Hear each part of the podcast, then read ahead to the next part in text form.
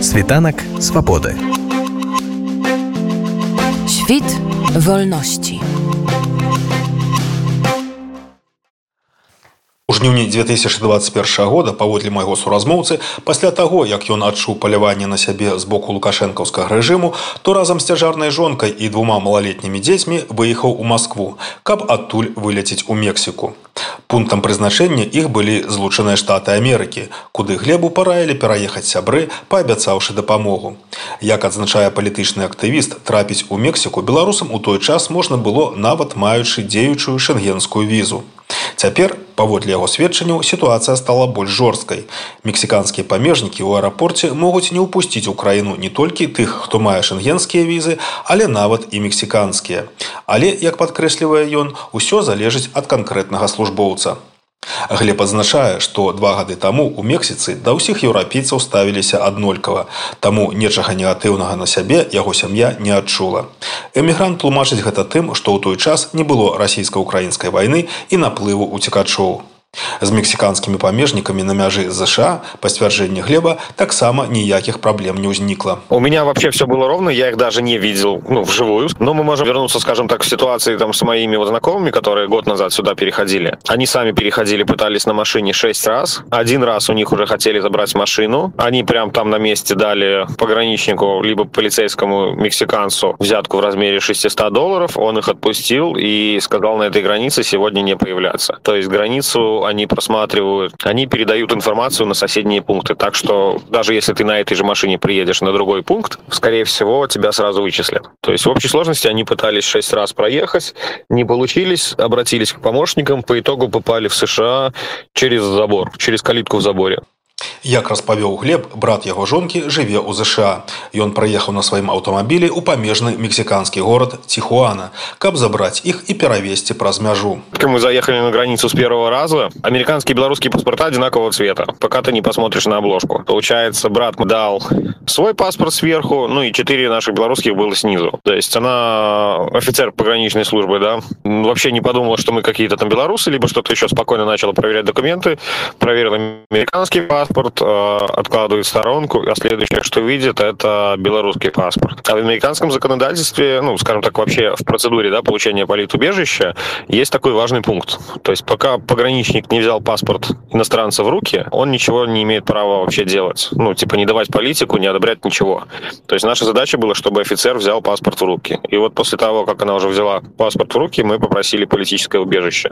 И с этого момента запустилась процедура получения нами политического убежища. Дальше за нашей машиной выставили фишки, закрыли именно тот пункт, там маленький въезд да, на территорию штатов, закрыли именно тот пункт, где стояла наша машина. Офицер э, проводила нашу машину на специальную стоянку для досмотра. Подошли другие офицеры, достали все из машины, ну, нас высадили, да, мы там сидели на бордюрчике, особо там не шевелились, но в момент перехода я был еще на связи с моими там знакомыми, то есть они видели, слышали, как я переходил, и вместе со мной кричали «Ура!».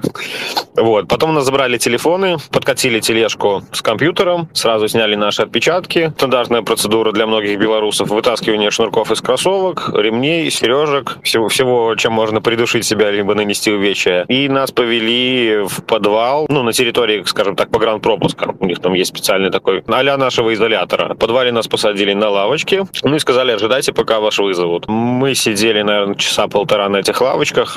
Лавочки жутко неудобные. Ну, вы, вы сюда хотели, хотели, вы сюда, вы сюда приехали немножко пострадать так. Лавочки железные, зал просторный, светлый. Понятно, что ходить там, бегать нельзя было, но если тебе нужно было в туалет, ты мог спокойно идти, наручников там никто не одевал. По крайней мере, на нашу семью. Ну и я не видел, чтобы там кто-то в зале был с наручниками. То есть это такая зал ожидания, пока оформят документы именно на наше пребывание. Вот после того, как нас оформили, нас с семьей разъединили, меня, получается, завезли, завели в камеру для, ну, мужскую. Есть там камеры женские, да, мужские, есть для кам камеры для лиц, которые заявили о том, что они нетрадиционной ориентации. Это в основном такая полумужская камера, скажем так. И все, больше, ну, больше жену я за эти сутки не видел. Дали, выдали еще такое фольгированное термодеяло, оно называется. Очень-очень тоненькая фольга, но она, в принципе, дает возможность согреться, потому что тепло не пропускает от тела. В камере э, максимально белые стены, максимально чисто. Не пахло ничем, абсолютно был нейтральный запах.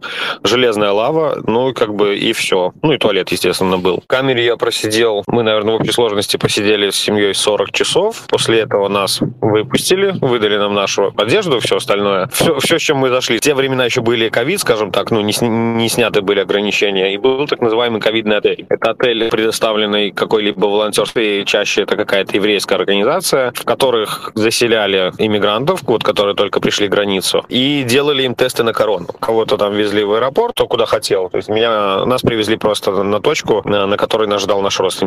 А те, у кого ковид, то они просто переезжали в другой отель и ждали там результатов своих. Ну и, в принципе, вы уже могли потом свободно перемещаться по злученным штатам, ці вы повинны были недзе отзначиться, там, замацеваться до некого пункта. Америка страна свободная, здесь никто никому не запретит свободно перемещаться, вопрос последствий. Я, в принципе, поехал сразу на место жительства своего поручителя, ну, как бы это правильно, и всем советую, рекомендую. Уже, в принципе, там немножечко пожил, скажем так. Э, у меня не стояла обязанность обозначиться у айс-офицера, у многих стоит э, дата явки, ну, как бы к офицеру. Это как у нас там прийти к участковому, отметиться после отбывания наказания. И, в принципе, я с э, одного побережья перелетел на другое. И на данный момент живу в Филадельфии. Зараз вы знаходитесь у этой процедуры отрымания политичного притулку? Ці уже вы его отрымали? Нет, еще, еще не получил. Эта процедура в среднем занимает, вот по последним данным, сам, самый минимум, который я знаю, это было два с половиной года. Самый максимум, который я слышал, это 8 лет. Знаходжанне ў працэдуры атрымання гэта прытулка вы можете працаваць там маеце нейкае медицинское обслуговывание. Медицинское здесь есть страховки бесплатные да для иммигрантов. В принципе здесь если поискать можно в принципе найти все абсолютно бесплатно либо за какие-то небольшие деньги.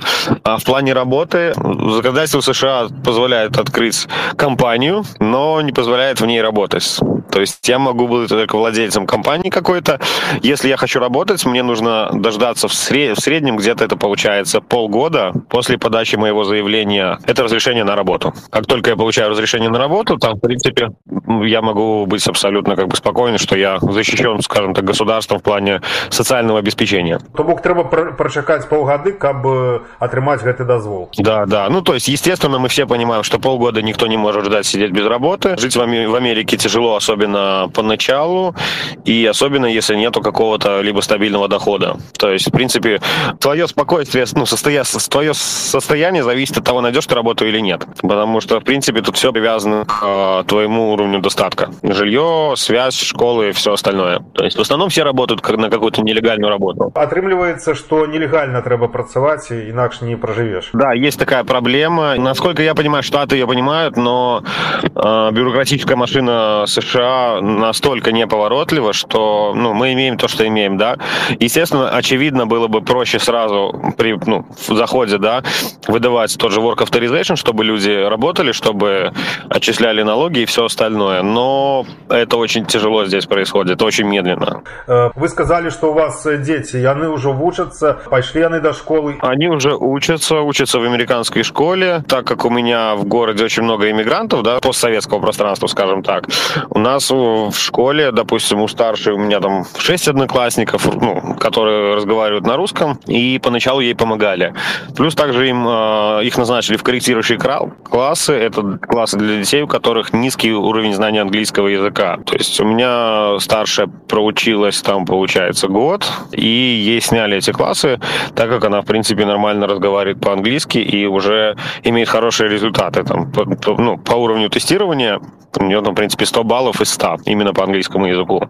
То есть дети намного лучше интегрируются, потому что они постоянно общаются, у них нету взрослых забот, и им намного легче поймать язык. Учеба бесплатная, тебе треба платить нечто? В обычных муниципальных школах учеба бесплатная. Здесь есть частные школы, но там очень, очень трудно туда попасть, и я пока не задавался такой целью. Единственное, что какие-то платы, да, это, естественно, фотографии, иногда выезды на какие-то экскурсии, но выезд на экскурсию для одного ребенка, вот последнее куда-то они ездили погулять, и получалось, что экскурсия стоит дешевле пачки сигарет. Ну, так просто, чтобы не было дисбаланса, там, если я скажу 5 долларов, ну, как бы, сигареты тут дороже, поэтому говорю в сигаретах. Покуль вы знаходзіцеся у працэдуры по разгляду вашай заявы на палітычны прытулак нейкія інтэграцыйныя праграмы вас тычацца ці вы не маеце да них дачынення есть у нас языковые курсы они абсолютно бесплатные их очень много есть много программ помощи беженцам но так как в США очень много беженцев не политических да здесь больше расчет идет на то что эти беженцы не работают то есть это все происходит по будним дням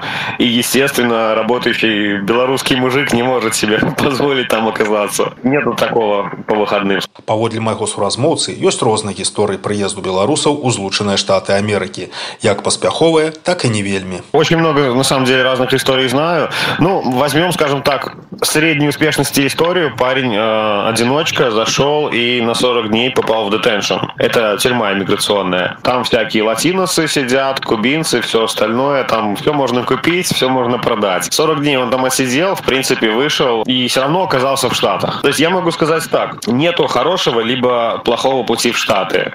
Есть скажем так определенные трудности но рано или поздно те которые хотят сюда попасть они попадают. Потому что я очень много слышу таких историй ой я приехал там в мексику меня развернули либо я там три раза попытался пересечь у меня не получилось и многие люди в том числе там я знаю несколько человек которые обратно возвращаются даже в беларусь. Ну то есть я понимаю что их уровень мотивации был достаточно низок. Ты трэба неким помощникам платить каб яны дапамаглі перасекчы никому нельзя платить потому что в основном ну 90 процентов это будут кидалы. Первый момент. Второй момент. Сейчас у нас в штатах работает шикарная я считаю программа называется cbp one. Эта программа заключается в том что иммиграционная система США подсчитали э, то, что на иммигрантах зарабатывают очень много людей, и они не могут проконтролировать поток этих беженцев нелегальных. И предложили такой вариант. То есть суть программы такая. По прибытии в Тихуану, да, и, ну, есть, есть другие пути, как зарегистрироваться в ней немного заранее. Я не могу их озвучивать, так как это не совсем законно. Регистрируйтесь в этой программе, вносите свои данные, и каждый день пытайтесь поймать окошко на границу. То есть, условно, вот вы приехали там, в понедельник, всю неделю вы заполнили программу, да, всю неделю вы пытаетесь тыкнуть, бац, вам выскакивает там на следующий четверг быть на границе такой-то в 11 утра. В 11 утра вы приходите на границу, вас проверяют все ваши данные, вы сдаете отпечатки пальцев, подтверждаете то, что что у вас есть спонсор, и спокойно проходите на территорию США. Не надо сидеть в тюрьме, у вас никто не забирает паспорт. То есть это максимально прозрачная программа. Да, тяжело поймать вот эту дату, это очень тяжело, некоторые люди по два месяца ее ждут. Но тем, которые прошли по CBP One, здесь намного легче, так как у них есть хоть какие-то минимальные свои документы. Потому что в мою эпоху, когда переходили, у многих забирали паспорта, и сейчас люди ну, очень теряются, потому что здесь трудно получить права иммигранту сейчас. CBP дает максимально легальное, максимально максимально бесплатное прохождение границы США. И я лично, как человек, который знаю порядка, наверное, 300 людей, которые прошли по разным путям, я могу сказать, что даже не пытайтесь кому-то там заплатить. Ни на мексиканской стороне никто бы вам там говорил какие-то русскоязычные сообщества. Запомните, что есть сейчас только CBP One и больше ничего. Как Али, например, человек не мая никого у Амерыцы то бок ні родных ні там нейкіх знаёмых якія могуць яго uh -huh. прытуліць як тады яму пройти нават по этой программе? Есть два пути. Помнить о том, что белорусы это маленькая, но дружественная нация, и обратиться в какие-то местные Facebook-группы, да, с помощью предоставить, ну, чтобы кто-то стал поручителем. Либо обратиться к какой-либо волонтерской организации. То есть там, в принципе, в сети есть все, и есть очень много ресурсов на этот счет. И тот, и тот путь работает, но, скажем так, одиноким девушкам я бы посоветовал быть намного внимательнее в плане подбора поручителей. То есть есть очень многие поручители злоупотребляют своим положением. Получается так, что девушка молодая, одинокая сюда приезжает, чувствует себя какой-то рабыней, и поручитель ей говорит, что у тебя нету неправ, ты здесь никто, никто тебя в полиции слушать не будет. И эти девушки очень сильно страдают. То есть всегда надо понимать, что как бы здесь поручитель это люди, которые э, поручители, некоторые думают, что они как-то немножечко выше на голову того, кто приехал. Это не так, и здесь, в принципе, для закона абсолютно все равны, что иммигрант, что гражданин. Напрыканцы нашай размовы размовы глеб даў парады. Зыходзячы са свайго досведу тым хто хоча пераехаць падобным чынам у злучаныя штаты Америки хотелось бы наверное передать что в Америке не так легко как кажется особенно на первых порах. Поэтому если люди настроились ехать сюда пускай будут готовы к тому что здесь будет настолько тяжело насколько они себе не представляли. То есть чтобы они не очаровывались да тем что Америка большая богатая и все остальное. Здесь есть свои минусы здесь есть свои плюсы но каждый должен пройти свой путь именно в иммиграции и понять лучше, наверное, заранее, что будет очень тяжело. Потому что есть люди, которые сюда попадают и потом желают вернуться в Беларусь, да, потому что им максимально тяжело. Но тогда теряется весь смысл этого длительного путешествия, который становится там в десятки тысяч долларов, и из-за того, что просто человек был морально, ну, психологически не готов к тому, что здесь будет тяжело. Точно так же нужно понимать э, о том, что в иммиграции семьи проверяются на прочность именно в плане там бытовом, да, то есть когда, когда вы здесь одна семья, у вас нету никого, и вы стесняетесь там обратиться к своим там, согражданам, к белорусам, то есть, ну, думаете, что, что все, все у вас получится, я всегда отвечу так, что всегда есть белорусы, которые готовы вам будут помочь. Те, которые едут сюда, пускай не забывают, что они белорусы. Просто у нас есть такая тенденция, э, люди приезжают, я вижу, что они белорусы, но они нигде не отмечаются ни в каких белорусских группах. Они нигде не отсвечивают вообще принадлежность тому, ну, к белорусам. Но потом в трудной ситуации очень часто они оказываются в этой ситуации. Они все равно рано или поздно приходят к тем, к тем белорусам, которые готовы помочь. То есть все, кто едет, помните, здесь тоже есть белорусы, которые вас ждут, любят и помогут. Вот, в принципе, наверное, это такой основной завет.